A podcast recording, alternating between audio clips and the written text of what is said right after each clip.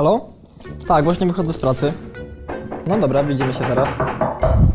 Beniamin, no niestety mamy awarię, musisz się zostać po godzinach, także musisz zostać. Sorry.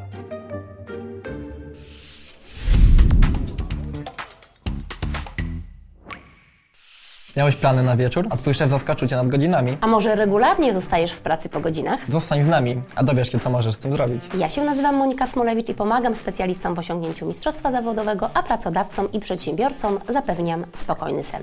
Jedz ze mną, Beniamin, cześć. wspólnie z którym prowadzimy serię HR po ludzku. Dziś opowiemy Ci o tym, kiedy pracodawca może Cię zobowiązać do pracy w godzinach nadliczbowych. Czy pracodawca może mnie zmusić do pracy w nadgodzinach? Nie mam dla Ciebie dobrej wiadomości. Tak, Czyli? może Cię zmusić do pracy w nadgodzinach. Co teraz? Kiedy może to zrobić? Przede wszystkim pracodawca może Cię zobowiązać do pracy w godzinach nadliczbowych, gdy wynika to z tak zwanych szczególnych potrzeb pracodawcy, których nie dało się przewidzieć w chwili tworzenia harmonogramów czy rozkładów czasu pracy. Czyli gdy pracodawca planując pracę nie wiedział o okolicznościach, które miały miejsce w trakcie miesiąca.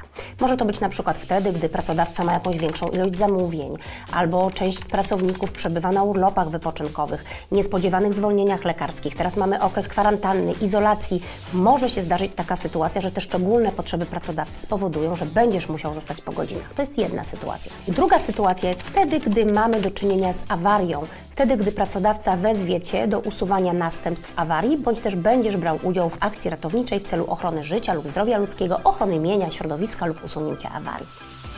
Okej, a są jakieś sytuacje, kiedy, o, kiedy mogę odmówić pójścia do pracy w nadgodzinę? I tak i nie.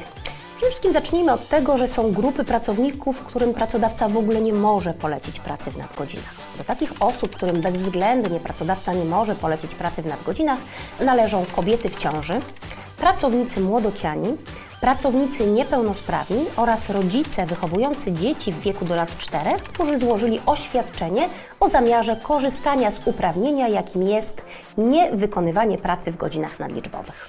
Co jeśli już dostałem polecenie pracy w nadgodzinach i nie wypełniłem go? Podstawowym obowiązkiem pracownika jest staranne i sumienne wykonywanie swojej pracy oraz stosowanie się do poleceń przełożonego.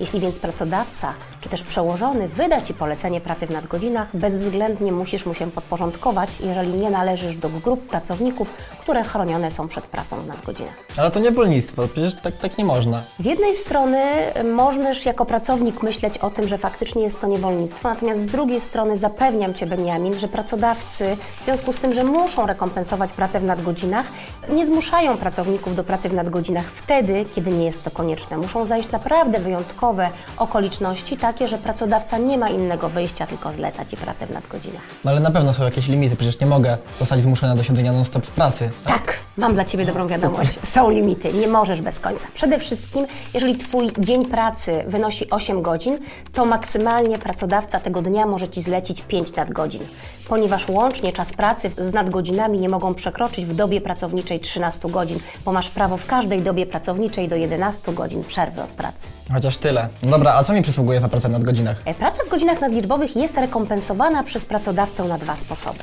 Jednym sposobem jest oddanie czasu wolnego w zamian za pracę w godzinach nadliczbowych i ten czas wolny za pracę w godzinach nadliczbowych może być oddany albo z inicjatywy pracownika, albo z inicjatywy pracodawcy. Jeśli to Ty za pracę w nadgodzinach chcesz odebrać czas wolny, to wtedy za każdą przepracowaną godzinę przysługuje Ci godzina wolna od pracy do odbioru. Natomiast jeżeli to pracodawca zdecyduje, że za pracę w godzinach nadliczbowych odda Ci czas wolny, to wtedy za każdą przepracowaną godzinę odda Ci aż półtorej godziny.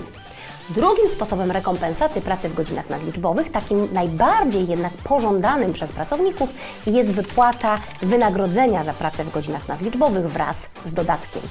No dobra, ale ile to jest tak w złotówkach? No to zależy, kiedy taka praca w godzinach nadliczbowych miała miejsce. Bo co do zasady, wynagrodzenie za pracę w godzinach nadliczbowych składa się z dwóch części. Normalnego wynagrodzenia, na które składa się Twoja płaca zasadnicza i wszystkie dodatkowe elementy wynagrodzenia, które co miesiąc otrzymujesz i dodatek. Ten dodatek może być w wysokości 100 lub 50% stawki zasadniczej, w zależności od tego, kiedy taka praca nadliczbowa miała miejsce. I tak na przykład, jeżeli praca w godzinach nadliczbowych ma miejsce w niedzielę lub święta, które są dla Ciebie dniami wolnymi od pracy albo w porze nocnej, wtedy otrzymasz dodatek 100%.